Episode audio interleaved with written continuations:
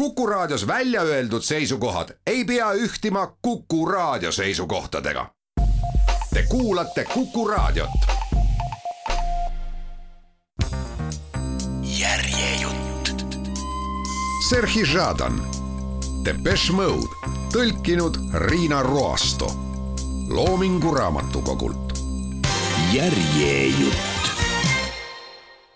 see lüüriline lugu algab sellega, et meie ukse taha ilmub keegi sinises mantlis plastmassist diplomaadikohvriga tüüp, kes näperdab tükk aega sõrmede vahel paberilipikut, kontrollib, kas on õige aadress, kas ta on ikka õiges kohas või on teda lolliks tehtud. ühesõnaga mingi kahvatu umbusklik tüüp ja veel see tema diplomaat ka. ma ei saa aru, kust kohast sihukesed üldse välja ilmuvad ja kuhu kohta nad pärast silma alt ära toimetatakse. lõpuks võtab ta end kokku ja koputab uksele. astub sisse ja näeb meid kõiki. mind, kommunisti Vasjat ja meie koer sõpra. me lehkame hommikuse käraka ja õhtuse okse järgi. ehk siis tavaline tööpäeva hommik on. tüüp hakkab uuesti sõrmede vahel paberit näperdama. kes sa oled? küsib koer tema on meist kolmest kõige rohkem hirmul, kuna pärast seda, kui talle eile hingekella löödi, pärast seda, kui ta kalana Vova ja Volodja kohmakast haardest välja libises, on ta valmis, et just tema lühikeseks nuditud pead tabavad uued ebameeldivused. Ja nii mõtleb ta, et äkki tuldi temale järgi, äkki keegi toimetusest killer mõni. mine tea, kes seal nende piidrite jaoks töötab. ajalehel pappi on, nad võiksid vabalt kunagiste intelligentide seast endale tunnipalgaga mõrtsuka võtta. kellegi, kes enne näiteks instituudis insenerina töötas, nüüd on aga pankrott ja tööpuudus majas, suur riik lagunes tükkideks ja nii ta läkski ja hakkaski vabakutseliseks killeriks. koer on paanikas ongi kindlasti killer ja ruumi sigineb vaikus.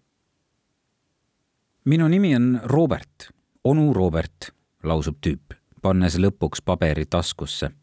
kus Saša on? mis Saša, küsin mina. võib-olla on mul midagi kahe silma vahele jäänud ja siia on vahepeal keegi Aleksandra sisse kolinud. sel juhul on killer meie kõigi kolme jahil.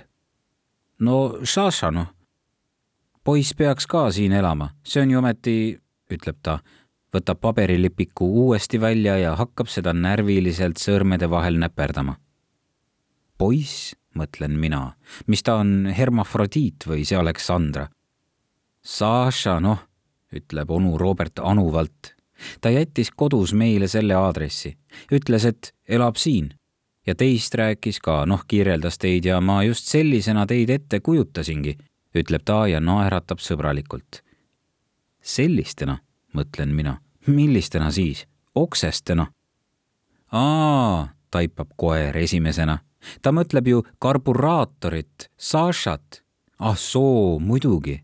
ja ühtäkki tunnevad kõik kergendust, tähendab mingisugust Aleksandrat siia ikkagi sisse kolinud pole, siis on hästi ja see onu Robert ei ole vist ka killer, ehkki midagi head tema kohta ka öelda ei saa ta naeratab sõbralikult edasi. koergi hakkab tema vastu huvi ilmutama. õigemini mitte just mehe enda, vaid tema plastdiplomaadi vastu. no kui see paganama onu Robert karburaatorile külla sõitis, mõtleb ta, siis tõi ta kindlasti ka head-paremat kaasa väntvõlli ta ju ometi ei toonud, kindlasti ikka head, paremat, mõtleb koer, odekolonni või marihuaanat hommikul on parem ikka odekolonn muidugi, mitte väntvõll, no igatahes ei saa meist keegi praegu suuremat sotti, et kes see tüüp on ja mis asja ta meile räägib. ta küsib. nii et teie oletegi siis need Saša sõbrad? meie, ütleb koer, pohmellis silmad endiselt kohvrile suunatud. Meie oleme sõbrad. mis teete? küsib onu Robert, püüdes võita meie usaldust joote hommikul konjakit või? pärast seda küsimust ta mulle enam millegipärast ei meeldi. seisab siin mingi tola oma kohvriga ja ajab jama suust välja. ah ei, nemad joovad, ütleb koer ja osutab meie peale. astuge edasi, võtke istet. äkki soovite teed? Teed jõi koer viimati umbes kaks aastat tagasi, kui ta veel koolis käis. aga nüüd, milline muutus? aga kus Saša on? küsib tüüp murelikult. nüüd küsime seda juba tegelikult kõik, kus Saša on viimastel päevadel oleme ta kuidagi täiesti ära unustanud. mina kindlasti kohe. on kuidagi nii läinud, et igaühel on omad tegemised, omad probleemid, no teate küll, ajad muudkui oma asju ja taipad siis ühtäkki, et sa ei tea isegi, kuhu su sõbrad kadunud on. äkki on koolis? küsin ebalevalt. koolis ma juba käisin, ütleb onu Robert. seal öeldi, et loengud said juba nädal tagasi läbi. päriselt? küsin ma. jah soovitasid siit teie juurest otsida. no õige muidugi, ütleb Vasja, nagu püüaks teda rahustada. õige, kust siis veel teda otsida? koer, küsin mina. kas ta jalkal ei olnud teiega kaasas? ei, ütleb koer, ehkki tegelikult ja pöördub nüüd otse onu Roberti poole. ma kaotasin sealt teadvuse, nii et ma väga hästi ei mäleta, võib-olla oli ka. mis lahti on siis? küsin mina. juhtus õnnetus, ütleb onu Robert ja istub ukse juurde oma kohvrile. Mulle hakkab juba vaikselt tunduma, et kohver on tegelikult tühi ja et ta kannabki seda kaasas ainult toolina. mis õnnetus? küsin ma. isaga. Sašal ei ole ju isa, ütlen mina, ainult kasuisa. ta oli talle isa eest, ütleb onu Robert. no ma ei tea, ütleb järsku koer isa ja kasuisa on ikka kaks erinevat asja, ehkki ühed oinad mõlemad, lisab ta. oota, ütlen ma koerale, mis mõttes, et oli? ta hukkus, ütleb onu Robert, üleeile. mis mõttes hukkus? maha lasi end. kuidas? tal oli vintpüss. vintpüssist oli karburaator meile rääkinud talle üldiselt ei meeldinud oma vanematest rääkida, aga midagi ta aeg-ajalt ikka mainis. olukord oli tal kodus ikka üsna nukker. Isa jättis nad maha, kui ta oli veel päris väike ja siis ujus see vintpüssiga tüüp välja. karburaator rääkis, et ta on täiesti segi, ainult joob ja käib ümber maja ringi, tulistades kõike, mis liigub, aeg-ajalt viiakse ta minema, siis aga lastakse jälle koos püssiga tulema karburaatori jutte kuulates jäi mulje, et tal on seal üldse nagu mingi metsik lääs. veel rääkis ta, et kasuisal on ainult üks jalg, mitte sünnist saati muidugi, ega ta mingi haige väärakas pole. Jalast jäi ta lihtsalt ükskord ilma, siis oli veel sügav nõukaaeg, aga kasuisal oli oma isiklik kodusõda juba alanud ning sealt naasis ta proteesiga. Karburaatorile meeldis seda lugu jutustada ja ta vürtsitas seda üksikasjadega, mängis erinevaid rolle, ühesõnaga see lugu paelus teda. nagu juba ütlesin, oli kasuisal alati kaasas vintpüss, kollektsiooni vääriline, kui karburaatorit uskuda Neil oli seal terve jõuk segaseid skalbikütte, relvaluba polnud pooltel, aga kuna üks töötas rajooni prokuratuuris, siis võisid nad kas või soomukitega ringi kihutada, ilma et ükski võmm neid kinni oleks pidanud. Nad pidasid terve aasta läbi jahti, hooaegadest hoolimata, kaanisid ennast täis, võtsid mentide villise ja põrutasid Vene piiri poole steppi ning kuna, ma kordan, liit oli toona veel ühes tükis, siis mingit piiri polnud ja nad põrutasid täie tambiga, kuni bensiin otsa sai ja nad kuhugi kevadise või talvise põllu peale toppama jäid. mingit moodi said nad ikka koju, tassides trofeede asemel õlul hoopis üksteist. minule see lugu meeldis üldiselt ei saanud ma karburaatorist aru, vinge vend, su kasuisa ju, ütlesin ma talle, mis sul ta vastu on, mine parem temaga kaasa ja too sealt mingi mammuti nahk koju näiteks ma kujutasin nende reisi ette, kuidas nad nagu punanahad preerias Kaspia mereni välja põrutavad, nottides tee peal maha kogu ümbritseva fauna ja siis, kui juba Kaspia ääres on, lasevad maha terve kaamelikarja või kes iganes seal Kaspia kandis elab ja siis tagasi. ilgelt äge. aga karburaatorile sellised asjad ei meeldinud. Või võib-olla meeldisid, aga ta ei võtnud vedu igatahes jõudis ükskord nende pilditu jõuk ühe järjekordse labraka käigus jälle põllu peale, jäid sinna toppama ja ööbisid seal. hommikul tulid kombainid, sest tegelikult oli lõikuse aeg, mitte jahihooaeg. Nemad aga seisid seal keset põldu. kombainid sõidavad umbes sajameetriste vahedega ning ühtäkki seisavad nende ees mingid punanahad. Õigemini punetava näoga tüübid, vintpüssid käes vähemasti nii kujutan ma seda lugu endale ette. kõige lähem kombain, mis parajasti just nende suunas sõitis, hakkas ümber keerama, aga heeder jooksis kinni ja kombain jäi seisma. juht ronis jahimehi pominal sõimates välja ning toppis jala otse oma saatanliku riistapuu lõugade vahele, püüdes ummistust eemaldada karburaator näitas meile seda pärast skeemil, skeemil nägi see küll kohutav välja, ettevaatusabinõudest polnud juttugi. no kes siis sellepärast kombaini seisma panema hakkab, see on ju ikkagi võitlus saagi eest või muu sihuke jama. mis siin rääkida? ja siis otsustasid jahimehed, kel oli jahihooaeg veel ees, kombainerile appi minna ma ei tea, võib-olla sundis neid südametunnistus, kuigi vaevalt ju neile tundus lihtsalt äge maadelda sihukese monstrumiga, nagu seda on põllumajanduskombain Niiva. Niiva, Niiva, hüüdis karburaator ikka. temale meeldis selle loo juures loomulikult selle ulatuslik tehniline pool. ja siis pistis tema uimane kasuisa samuti jala heedri vahele ja suutiski ummistuse eemaldada lõikuri metallhambad hakkasid uuesti pöörlema ja puha ning haarasid oma lõugade vahele uue portsjoni rahvasaaki ühes kasuisa parema jalaga. Nad jõudsid ta küll tagasi tõmmata, aga juba ilma jalata. ehkki muidugi oleks võinud ka palju hullemini minna. nüüd oli kõik kuni munadeni maas, nii vähemasti rääkis karburaator ma püüdsin ette kujutada, mis edasi sai. olgu, mõtlesin ma, jalga enam polnud, aga nad pidid ta ju kiiresti haiglasse toimetama. aga kuidas nad sealt ära said, kombainidega või? no olgu, aga jalg siis? Nagu ma ette kujutan, oli põllumajanduskombaini mahukas vatsas selleks hetkeks juba mitusada kilogrammi kuldset vilja, mis segunes kasuisa kõõluste ja soontega. sinna sekka veel muud mitteorgaanilised värgid, no näiteks sõjaväe saabas, puuvillane püksisäär, ühesõnaga hunnik toormaterjali. huvitav, mida viljakasvatajad pärast kõige selle hea ja paremaga pihta hakkasid? sadat puuda vilja nad naljalt juba ära ei visanud küllap andsid ikkagi riigile, kindlasti kohe. tean juba küll neid viljakasvatajaid, nad annaks isegi oma fekaale ära, kui keegi vastu võtaks. Ja siis kujutasin ette veel kõiki neid küpsetisi ja seda leiba, ühesõnaga tavalise poisi verised fantaasiad olid, teate küll.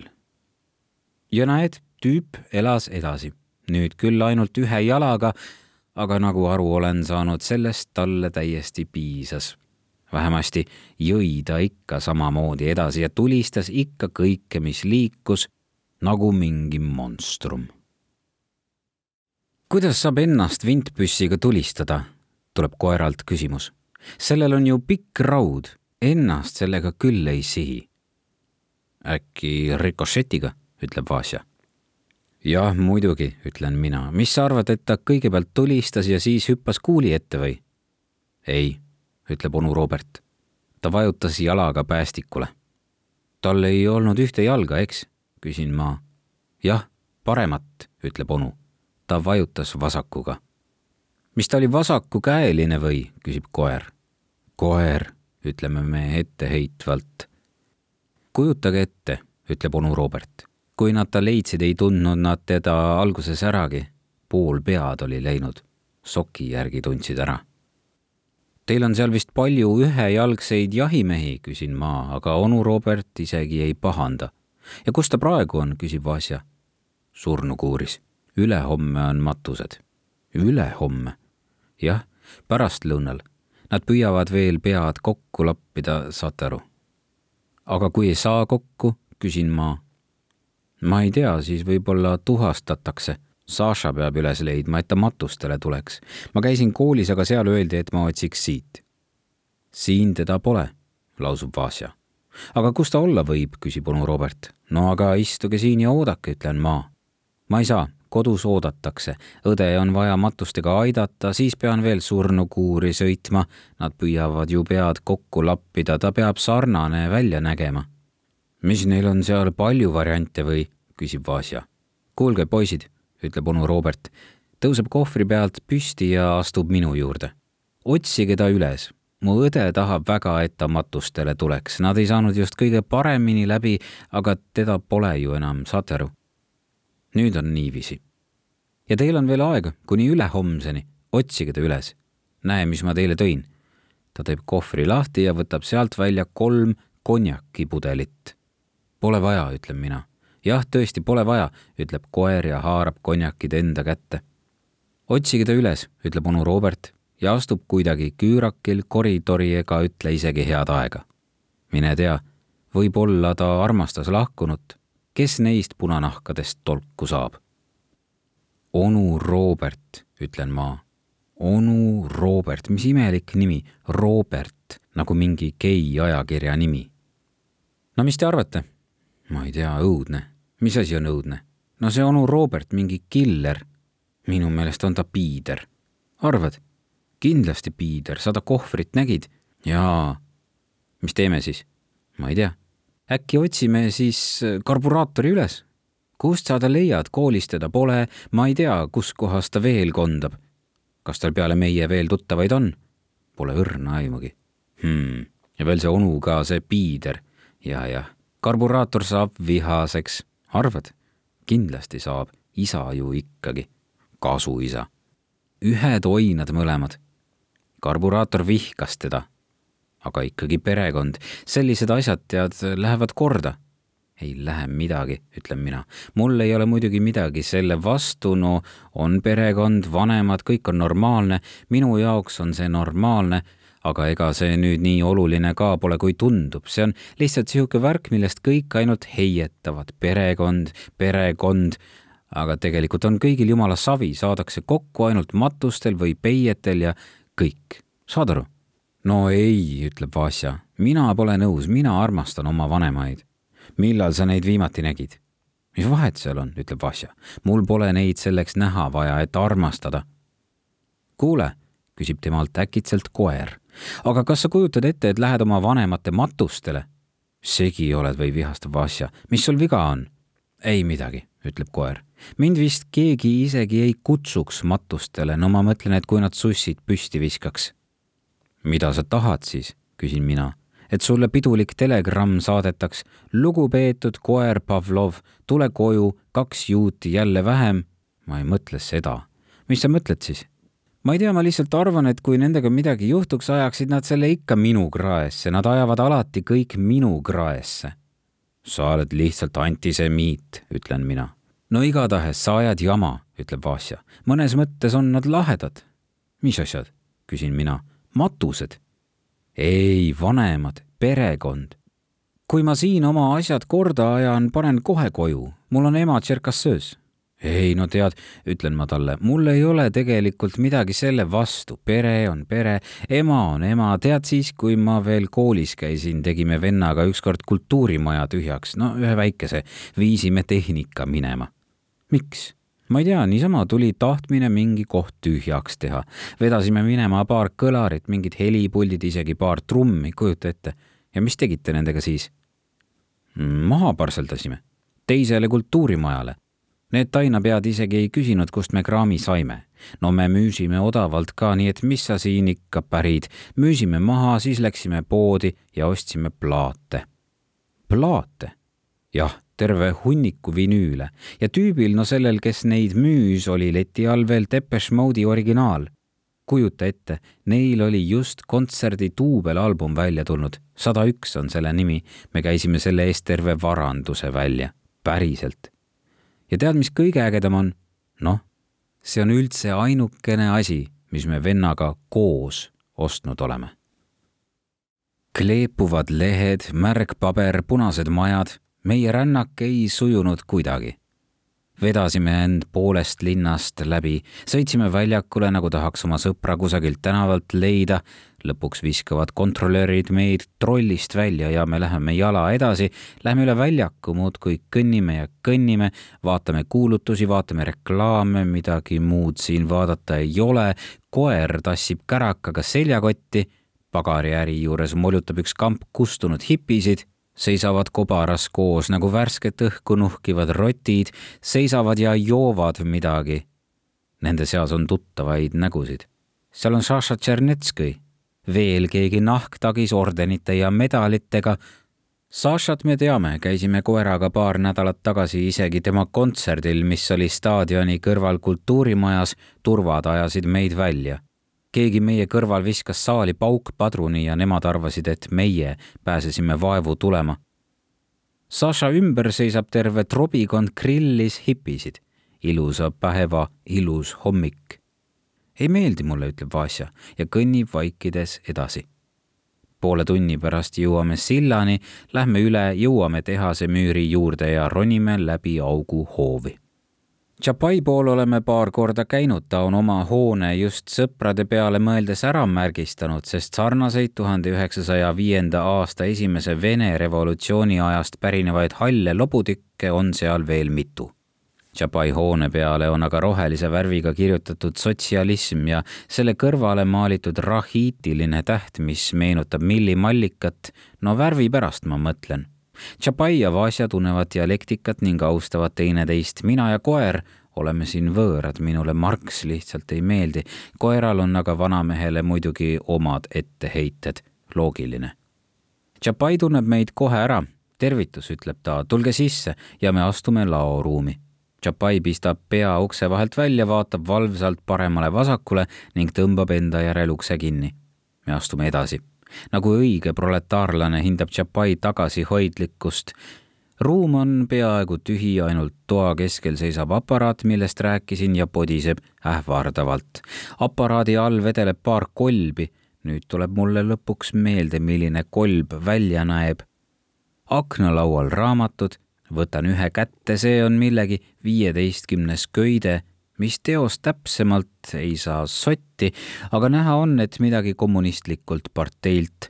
peal on tehase raamatukogu tempel, tõsine vend, see Chapai, ta on meist paar aastat vanem, juba kahekümnene ja tal on ka tööstaaži, nii et temaga nalja ei ole. ta astub meie järel tuppa. istuge, ütleb ta. toas on paar taburetti, kuidas käbarad käivad, küsib ta. normaalselt, vastab Vasja karburaatorit otsime, sa pole näinud? Pole näinud, ütleb Chapai, istub taburetile, tõstab jala risti üle põlve ja paneb Belomori ette.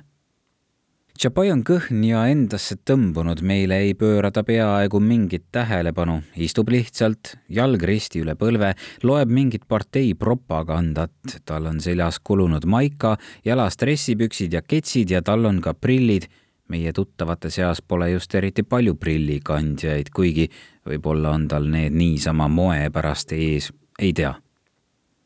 aga kus ta olla võib, sa ei tea, küsin mina. ei tea. ta pole sulle midagi öelnud? Pole öelnud. pekkis, ütlen ma. tal suri isa ära. kasuisa, parandab mind koer. Chapai on vait. aga kas ta sinu juurde mingeid oma asju pole jätnud, küsin ma edasi. Pole jätnud nii võiks igavesti rääkida. tema rääkimine on nagu mingi mantra kordamine. on liiga palju Engelsit lugenud, normaalne info ei jõua enam pärale. Nendel uuskommunistidel on mingi oma segane sen, kuhu nii lihtsalt ligi ei pääse ja kui pääsed, siis ei pääse enam minema. töllerdad mingitel sügavatel kohtlastel marksismi-leninismi radadel, jagamata üldse enam millestki midagi. loed midagi? küsib temalt äkki Vasja ah ei, vastab Chapai, jäeti mulle siia paar raamatukest, niisama lehitsen. aa, ütleb Vasja, nad on ikkagi mõttekaaslased. püüame mitte vahele segada. võib, me ootame teda siin. võib, meil on kärakat. mul on ka, ütleb Chapai ja näitab oma aparaadi peale. aga mina ei joo. miks? tripper on. päriselt? ma panen raamatu tagasi aknalauale. kust selle said? Siitsamast tehasest, vastab Chapai ükskõikselt. tehasest? mhmh, mis asja, Tšehhist või? mhmh, siin on ainult mehed ju. nojah, kes sulle siis, küsin mina. tähendab, anna andeks, mees, kellelt sa said selle? mis kellelt? ei saa Tšapai aru. noh, ütlen ma, kas sa tead, kellelt sa said selle? aa, ütleb Tšapai, mitte kelleltki, mul on olmetripper. Mis mõttes olmetripper? olme, noh, ma ei tee kellegagi sugu. no lappasime siin kasutatud hilpe külge hakkas. arusaadav, ütlen ma. Te marksistid olete lihtsalt nagu inglid. ei tee sugu, ei joo. lappate hilpe ja, lisab koer. kuulge, ütleb Tšapai nähtavasti selleks, et teemat vahetada. Teil pappi on või? mis on siis? küsib Vasja umbusklikult. Me võime mustlaste juurde sõita ja popsu osta, siis istume ja ootame karburaatorit. ma ei viitsi niisama passida, mina ju ei joo. no võib ju minna, ütleb Vasja. sa arvad, et ta annab näole? kes teda teab, ütleb Tšapai. võib-olla annab, võib-olla ei anna. Teil muidu hilpe pole vaja, meil on siin teksaseid ketse, kasutatud muidugi mustlased elavad linna teises otsas teisel pool jõge, neil on seal terve asundus. Harkivi mustlased on omal moel täide viinud oma ammuse unistuse pühast mustlaste metropolist. Nad pole pidanud eriti pingutamagi, no selles mõttes, et iseseisvuse eest võitlema, territooriumi vallutama, piire paika panema või nii, lihtsalt saabusid massiga jõe äärde ja seadsid end seal kompaktselt sisse sättisid end, kes kuidas sai ning põhimõtteliselt lahustasid vaenulikku ida pealinna. päris kummituslik kukkus välja see nende päikeselinn, linn linnas, võiks öelda. rajoonist lookles läbi trammiliin ja isegi metroo polnud kaugel, aga peale mustlaste ei elanud siin tegelikult peaaegu mitte kedagi. nii et kui sa siia satuksid, kuigi miks sa peaks siia sattuma ega teaks, kus sa oled, siis imestaksid, et miks nii palju mustlasi on. no mitte, et tänavad neist just kubiseks, aga lihtsalt kedagi teist peale nende pole tänaval näha. nii et sa märkaksid kohe, et midagi ei klapi. aga mine võta kinni, mis mustlased elasid sõbralikult koos ja olid end sisse seadnud plaaniga jääda kauaks Nad olid valgetest tellistest ehitanud endale madalad tugevad majad ning ümbritsenud need müüridega, mis olid laotud samadest tellistest, nii et kogu elamine meenutas telliskivi ladu. huvitav, mismoodi see seal Telliskivimägede keskel veel välja näha võib? päris lahe. mingeid antenne ega raadiomaste mustlastel polnud, ka reklaamplakateid polnud peaaegu kusagil, see oli nagu mingi keskaegne linn ma arvan, et need müürid olid nii kõrged selleks, et katk aeda ei pääseks. ma ei ole nendest mustlastest tegelikult kunagi sotti saanud, aga Tšapail, näe, oli siin ühel vaiksel kõrvaltänaval keegi tuttav diiler enne seda loksusime aga pikalt läbi rajooni. keerasime peatänavalt paremale ning peatusime kusagil tänavasopis. juht jätab auto seisma, keerutab pikalt käes Vene rahatähti arvutab kurssi, et palju juurde peame maksma, loeb parema käe näppude peal, mina näiteks niimoodi arvutada ei oska, siis ütleb, et olgu, piisab. meie lähme välja ja tema teeb kähku minekut. nüüd seisamegi siin keset valgeid telliskivimägesid, siin pole peaaegu ühtegi puud. Maapind jalge all on niiske, müüride alt turritab välja umbrohtu, pilvede vahelt taevast piilub aeg-ajalt päike ning näha pole mitte ühtegi mustlast ütle nüüd, mõtlen ma. inimesed elavad ilma antennideta, ilma mastideta, ilma Nõukogude võimuta, isegi ilma majanumbriteta. huvitav, kuidas Tšapai oma diileri üles leiab. Tšapai aga tuleb sellistes olukordades hästi toime. ta kohendab prille, nuhutab midagi ninaga ning ütleb siis lõpuks. see on siin, üles leidsin me lähme roostetanud värava juurde ja Tšapai prõmmib rusikaga vastu selle roostes pundunud pinda.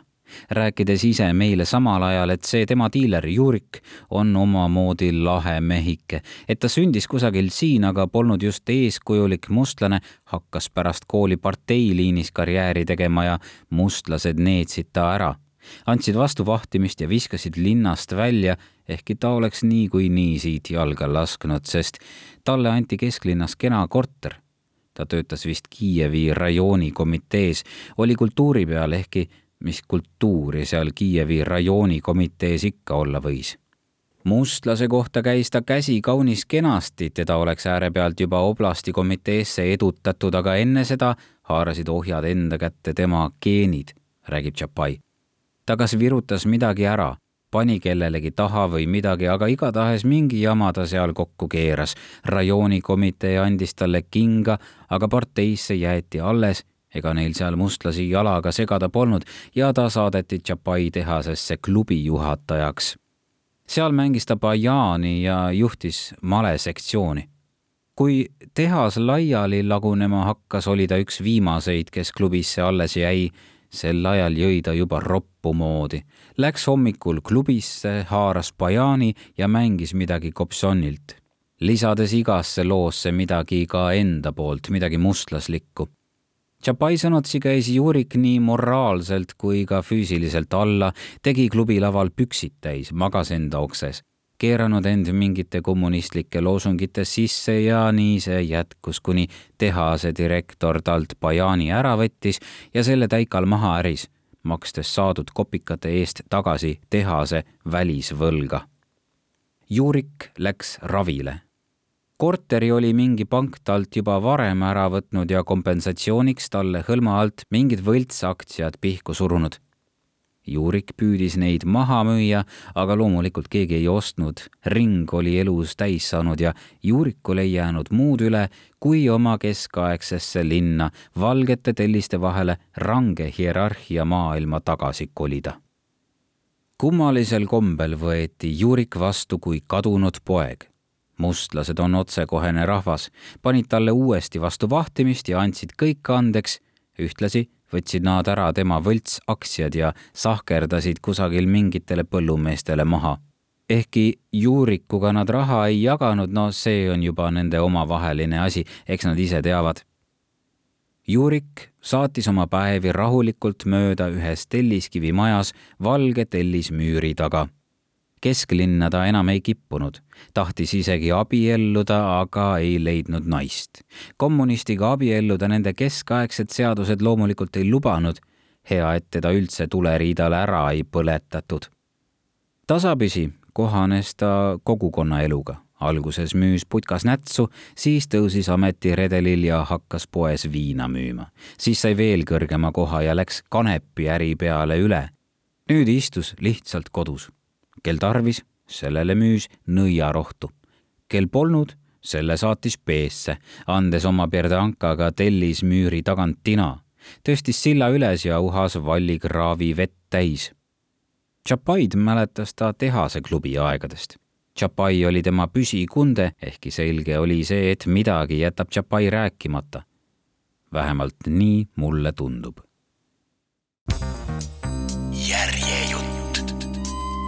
Serhi Žadan, Depeche Mode, tõlkinud Riina Roasto Loomingu Raamatukogult. järjejutt